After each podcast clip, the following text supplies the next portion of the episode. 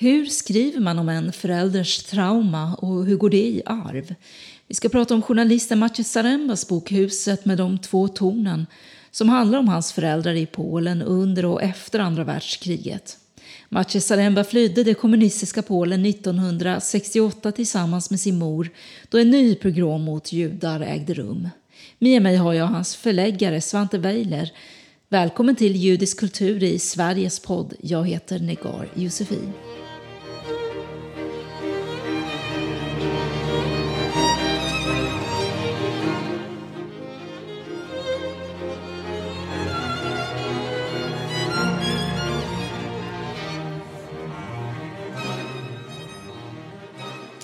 Välkommen Svante Weiler, förläggare och ordförande för Svenska kommittén mot antisemitism. Tackar. Eh, Maciej Zaremba har skrivit en bok som eh, handlar om hans föräldrar, eh, om saker de aldrig talade om, om liv som de packade ihop och inte tog fram. Han, eller hur börjar man och avslutar en sån stor projekt som Maciej Zaremba har gjort? Egentligen ska Maciej själv berätta om hur det började, men jag vet. Hur, du är förläggare. Jag vet hur det började. Jag känner Maciej sen, sen länge och jag kände till hans livshistoria i yttre drag. Jag visste att han och hans familj kom hit i slutet av 60-talet, 69, och att det hade med de eh, byråkratiska pogromerna mot judar i eh, Polen att göra. Då det kom många tusen judar till Sverige. Det var vad jag visste. Jag visste att han också hade mm, eh, sysslat mycket med Polen. Han, han slog igenom som journalist genom att skriva om Solidarność och, och, så. Och sen har han återkommit till Polen, liksom eh, beskrivit Polen för oss. Allt det där visste jag. Så besökte jag honom på hans sommarö, Yxlan. Och så tog vi en promenad, en sån här sorts promenad som eh, är bra för män att ta. Man går bakom varandra på en stig. Han gick framför mig, för han kunde ju stigen, och jag gick bakom honom. Och så började jag fråga. Matje, vi har känt varandra. Eh, jag har gett ut böcker av det. Men jag vet inte hur det gick till när du kom till Sverige. Kan du inte berätta det? Jag är en nyfiken person. Och det, det, det också ingår i jobbet att vara förläggare, som förläggare. Och då började han berätta. Och då var precis när han kom. Eh, och då säger han så här, eh, ja innan, jag måste berätta då, så fick jag reda på att jag var jude. Stopp ett tag, så jag. Ehm, du fick reda på att du var jude? Ja, morsan kom in i rummet och, och sa det, vi måste härifrån. Eh, jag är judinna. Eh, jag blev extremt intresserad och i sådana där lägen så, så jag, jag har genom livet liksom lärt mig en del om vilka historier som är större och vilka historier som är viktigare än andra. Eh, och då är det med Matcher så att han har ju eh, ägnat sin journalistiska, eh, sitt journalistiska liv åt, åt, undersökningar av sjukvård, av skog, av svensk historia, polsk historia, en massa. Jag tyckte han skulle räkna den där blicken mot sig själv. Jag tyckte han var skyldig sig själv det och i en viss ålder så har man också rätt till det. Så satte det här projektet igång med glädje från hans sida. Det var, jag förstod att det skulle vara komplikationer, men han satte igång med väldig energi. Mitt i tog det stopp. Han berättade för mig, eh, jag har hållit på så mycket med min familjs polska historia, med min morfars historia. Eh, hans morfar var en eh, domare i det polska 30-talet. Groteskt förföljd av polska antisemiter. Groteskt. Och kring sin morfars historia så hade han liksom förstått hur polsk antisemitism praktiserades i verkligheten.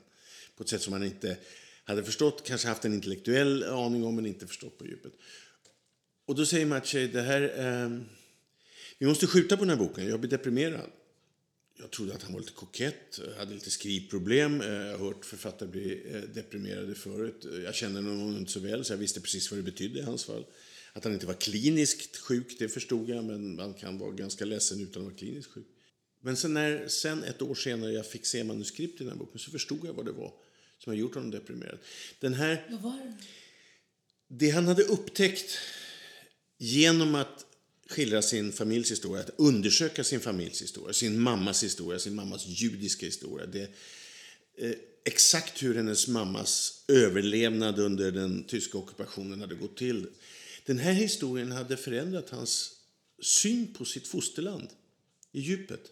Och det har naturligtvis att göra med hans personliga historia. Hans far var patriot. Hans far var en polsk läkare, betydligt äldre än mamman, eh, med djupa polska, till och med adliga rötter. Vad hade för bild av sin...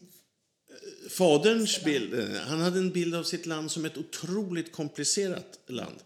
Eh, vid ett visst ögonblick så var han tvungen att välja om han skulle skriva polsk antisemitism eller den polska antisemitismen i boken. Och att det där låter som ett enkelt val, men skriver man den polska antisemitismen så har man sagt någonting mycket tyngre om Polen. Och, och det är sånt där som man kan slänga, slänga, folk kan slänga ur sig. Men för Maciej förstod att det var helt avgörande. Eh, därför att han då var tvungen att för sig själv erkänna att den polska antisemitismen har, som han skildrar i boken, och som också, en helt fundamental betydelse för det polska nationella medvetandet. Och hur kritisk han än har varit mot Polen, hur kritisk han än har varit mot polsk kommunism och polsk och dagens Polen och sånt där, så var det där någonting mer. Det var att, så att säga, eh, omvärdera sitt lands historia i grunden. Och det har kostat på. Och det var det som framkallade hans, hans sorg och hans depression. Och jag är naturligtvis lycklig över att han har genomfört den här eh, undersökningen. Eh, som i grund och botten är en personlig undersökning av hans eget liv och föräldrarnas liv. Men som naturligtvis har vuxit till en mycket större historia. En historia om Polen. Hans mamma ogillade att prata om sin judiska bakgrund och hon eh, någonstans får jag intrycket när jag har läst boken att hon kämpade med det hela livet. Eh, att inte prata om det här, eh, att ta bort det. Och vi ska höra Marci Saremba berätta om det. Hon blev oerhört kränkt av att bli utdefinierad ur polskheten. Hon var så polsk som man kan bli. Jag tror att hon var bäst i klassen i polska i sin skola. Och polska var det enda språk hon behärskade. Eh, hon kände sig inte som judinna och hon ville inte göra det. Hon var mycket förtegen. Eh, och eh, det fanns ett par historier som hon berättade av mer anekdotisk karaktär. Eh, och det var ju nästan, nästan en slags besvärjelse. Däremot så skrev hon ner sina minnen. Det här är mycket svårt att, att fånga i ord, men jag tror att det fanns en... en eh, dels så är det ingen människa som, som vill att någon annan ska tala om för dig vem du är. Man vill ju bestämma sig, bestämma sådant själv. Eh, och dels så var det så att hennes erfarenhet av, av judenhet i Polen, i Tarnów och i Krzeszowice där de bodde, eh, det var ju någonting väldigt bakåt, bakåtsträvande och eh, ohygieniskt och fjärran från eh, den eh, sofistikerade kultur som hon ville tillhöra. Alltså det som kallades för Galicien eller östjudendomen. Jag tror inte det var särskilt uppskattat heller bland svenska judar på den tiden. Eh, också i Stockholm så skämdes man för de här fattiga eh, och, och reaktionära östjudarna. Så att hon, hon kände sig inte som judinna. De hade inga religiösa traditioner hemma. Hon tillhörde den stora grupp polsk av medelklass som var helt och hållet assimilerad. Eh, och eh, hon först sent i sitt liv for hon till Israel och försökte eh, liksom känna sig med eh, det judiska. Och eh, hennes livsprojekt var ju att, att hennes barn skulle bli allt annat än judiska för att för henne var judiskheten eh, förknippat entydigt med stigma och, och dödshot. Kan du, eh, eh, när du hör honom berätta, kan du förstå hur eh, hur hon, även när hon kom till Sverige, att hon absolut inte ha, ville ha med, det, med, med, med sin bakgrund att göra. Att det gick liksom så långt att hon, eh, Eh, som March berättar, att hennes livsprojekt var att få barnen att inte bli judar. Jag kan mycket väl förstå det. Eh, och det liknar historier som man finner i litteraturen och i livet överallt. Människor som vill bli av med sin miljö. Det som är speciellt i det här fallet och som är så otroligt speciellt är just den judiska identiteten. Eh, för den är förknippad med förintelsen, den är förknippad med så ofattbart brutala saker. Om någon växer upp i ett frikyrkligt hem i Västerbotten och vill därifrån så säger vi bra, lycka till grabben eller lycka till tjejen. Men vi vet att det här är inte en fråga om liv och död och så småningom så kan de väl åka tillbaka och skoja lite grann om hur det var i det där kapellet, var tvungen att lyssna på alla predikningar och allting sånt där. Eller om någon blir uppfostrad till Djurgården djurgårdare och vill bli Hammarbyare. Allt det där är ju eh, en baggis. Det är bara det med den judiska identiteten så är det så att de blev berövade, judar blev under 1900-talet berövade all möjlighet att välja identitet. Eh, valde, de en aktiv, valde man en aktiv judisk identitet så stack man ut, drog på sig den antisemitism som ju frodades i hela Europa före eh, andra världskriget, före Förintelsen. Valde man bort den så var man en förnekare, då var man en svikare. Eh, och eh, det, det, eh, för oss andra som inte är judar så är det här en lärdom om hur vi först vi säger, för det var stora delar av samhället omfattar demoniserade judarna. Antingen så var de de sämsta, östjudarna alltid de sämsta, eller så var de de högsta och båda grupperna var lika föraktade, bankirerna och östjudarna lika. Efter förintelsen så har vi nog varit med om att idealisera dem. Judarna är de stora offren, alltså måste alla vilja vara judar. Alla judar måste vilja vara judar. För nu har vi, vi ska ju, ni är ju där för att vi ska få förlåta er. För vi ska tala om att det, detta ska aldrig hända.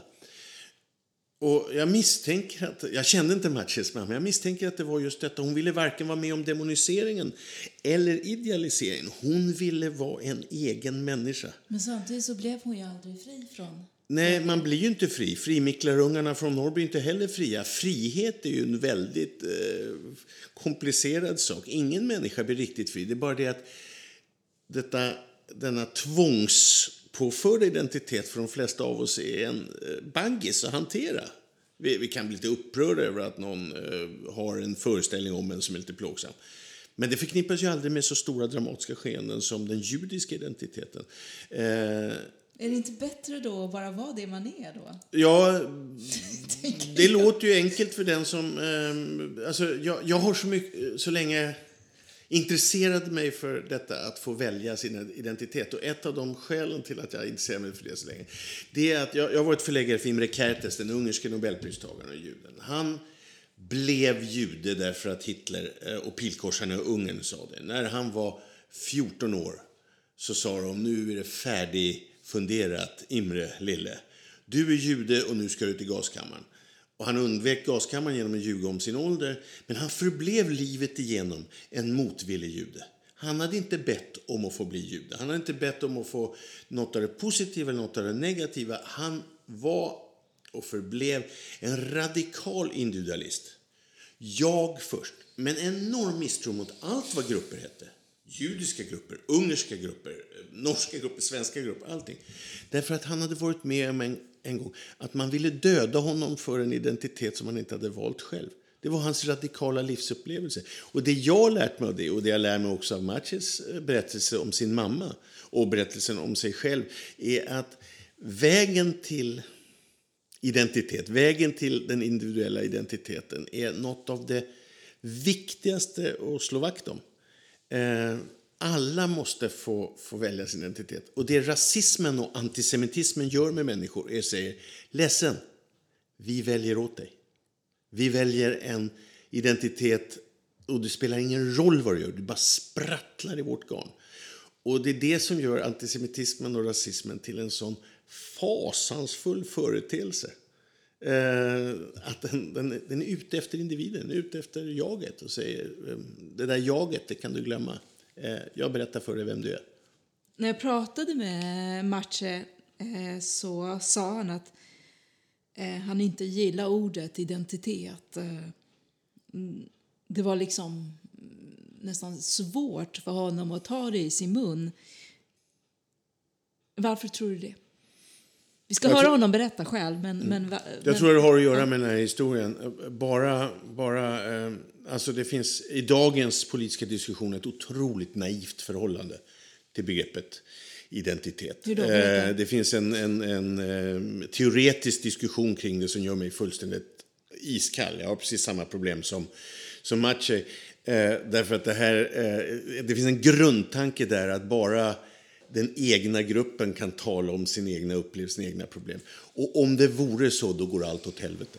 Jag vet inte det. Det kanske framgår av den här boken som jag har skrivit. Men eh, om jag hade kunnat säga det sådär i tre meningar då hade jag inte skrivit så många sidor. Det är, eh, jag har blivit ganska misstänksam mot själva idén om identitet. Alltså någon slags entydig tillhörighet. Och jag tror att eh, det kanske också är något som jag har fått från mamma därför att hon blev så bränd av att någon annan talade om för henne vem hon var.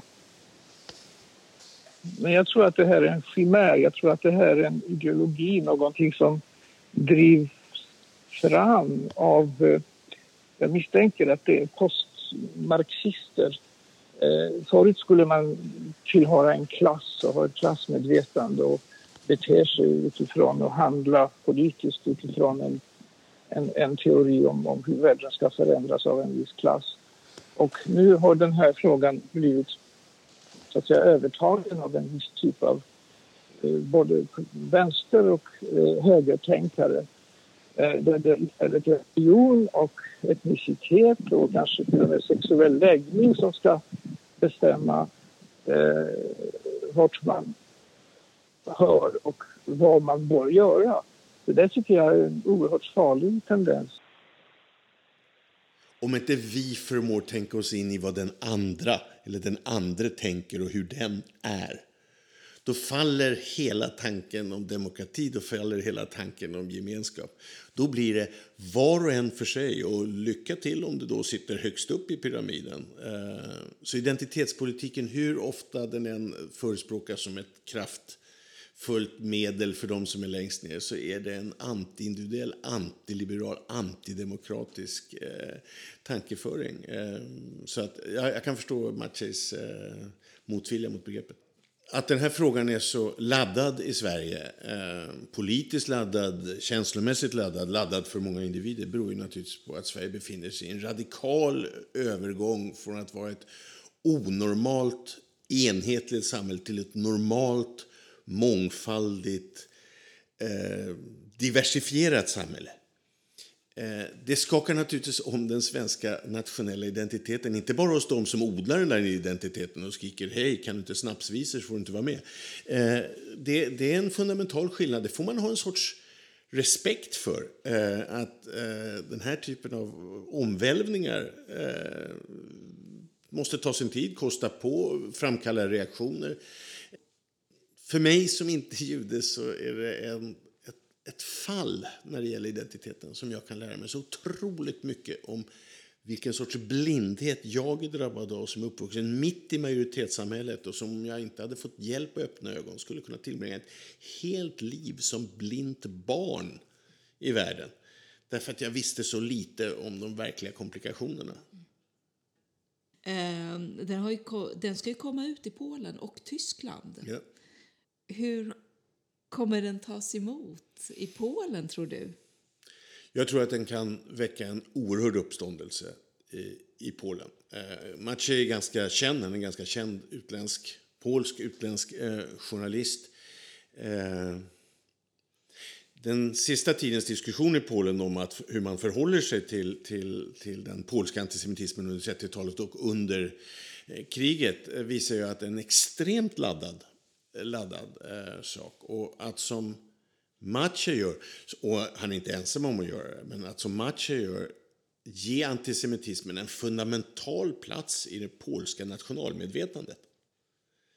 Det är att utmana dagens eh, så att säga, tongivande diskurs i Polen så som den företräds i det politiska livet mer radikalt än någonting annat. Jag tror han har rätt. Ehm, jag läste nyligen en bok av en tysk historiker och författare som heter Götz Ali som eh, egentligen säger samma sak, den heter Europa mot judarna och där han beskriver den strukturella antisemitismen, alltså den antisemitism som inte var en åsikt eh, i Europa, runt om i hela Europa, i Grekland, Frankrike, Tyskland, Polen, Ungern och som han menar underlättade förintelsen. Eh, och det är den saken som eh, Maciejs berättelse om sin morfar och sin mamma går in på. Den strukturella antisemitismen som var så starkt förhärskande under eh, mellankrigstiden att den underlättade eh, förintelsen. Att det gjorde att det var lättare för de galna judemördarna att utföra sitt eh. Du som är ordförande för Svenska kommittén mot antisemitism, eh, ni har ju bevakat situationen i Polen. Idag kan inte du berätta om den lite grann? Ja, vi följer den här polska diskussionen och, och lägger oss i den så tillvida att den här nya lagen som instiftades som skulle liksom strafflägga fel åsikter, fel uppfattningar om den polska befolkningens roll under, eh, framförallt under kriget, under förintelsen. Eh, vi ser det eh, som ett tecken på en, eh, i bästa fall, ängslig nationalism.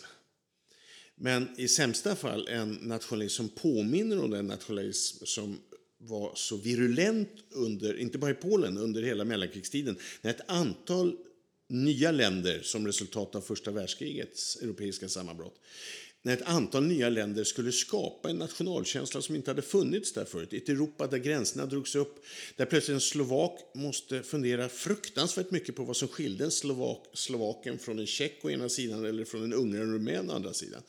Eh, vi ser det här i Europa idag där olika europeiska nationer, en del av dem märkligt nog inom EU, försöker fundera väldigt mycket på vad som utgör en ungrare, vad som utgör en polack, vad som utgör en dansk, svensk och en norsk. Och vi har politiska partier i Sverige som på ett fullt allvar ägnar all sin energi åt att försöka förstå vad som är svenskt. Här förefaller det möjligtvis hotfullt, alltid patetiskt, men det historiska sammanhanget är ju ett sammanhang av mord i följden av dessa kulturella diskussioner om nationell identitet. Ehm, jag, person, jag hatar nationalism.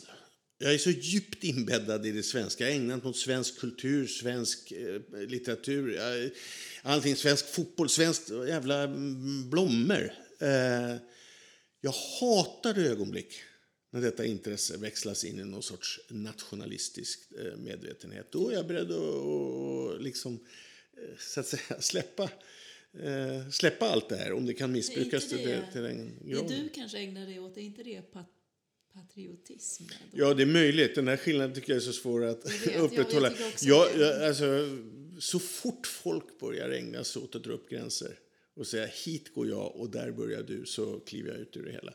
Och, och för att komma tillbaka till Matches bok. Matches bok är en mycket personlig berättelse av att växa upp i en tid, och och egentligen hela 1900-talet, där Behovet av att dra gränser var det helt överordnade behovet. Det var viktigare än att skaffa mat åt folk. Det var viktigare än att se till att fabrikerna fungerade. Gränserna gick före det här.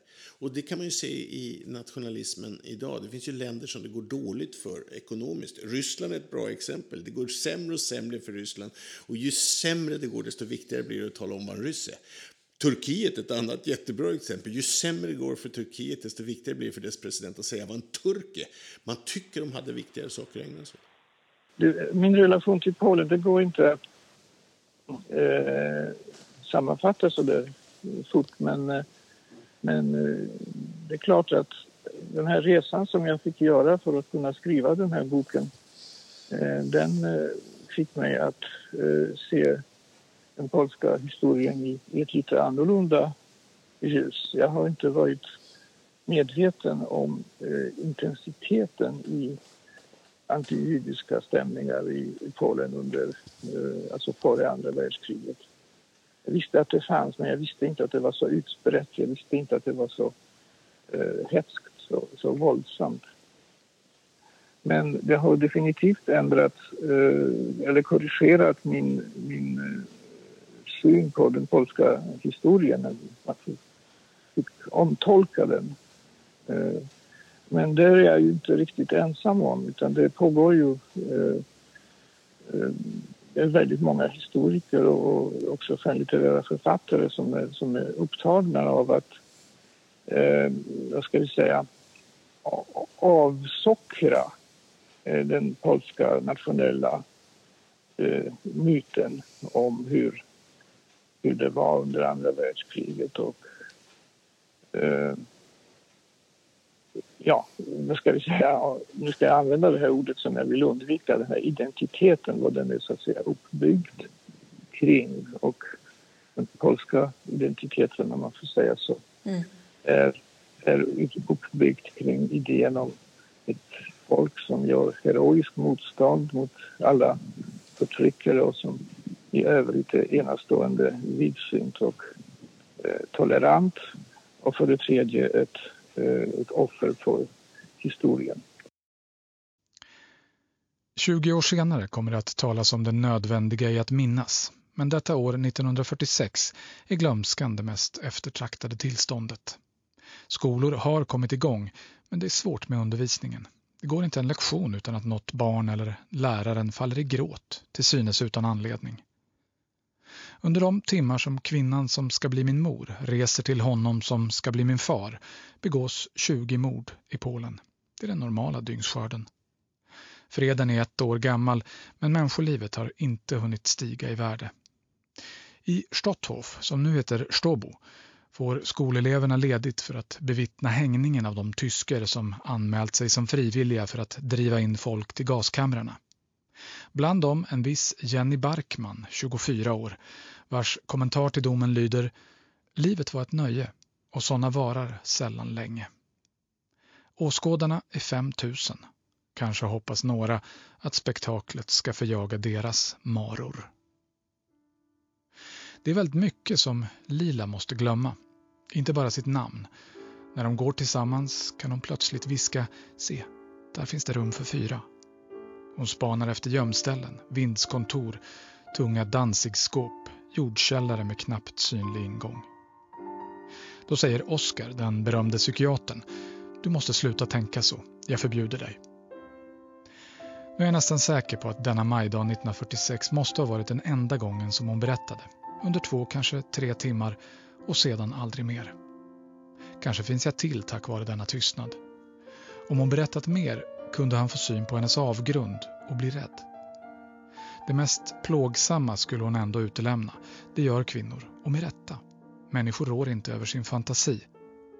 Men han skulle ana och göra sig bilder av det slag man aldrig blir fri från. Så när hon vaknar med ett skrik frågar han inte vad hon drömt bara håller om henne och sjunger. Så måste det ha varit. De väljer att leva i nuet. Oskar får inte veta att det var blickarna från polacker som var farligast för en judinna på flykt. Troligen berättar hon inte heller om bänkgetton. Hon vill inte vara offer. Hon vill vara oförnedrad, som han. Hon ska föda polska barn med vapensköld och dopbevis. Oskar får aldrig veta att för att leva har hon övergett sin far. För min framtids skull måste hon vara ensam med sin skuld.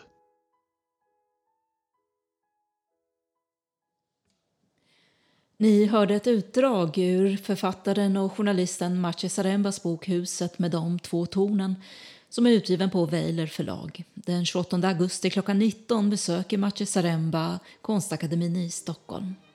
Det här var Judisk kultur i Sveriges podd och jag heter Negar Josefin.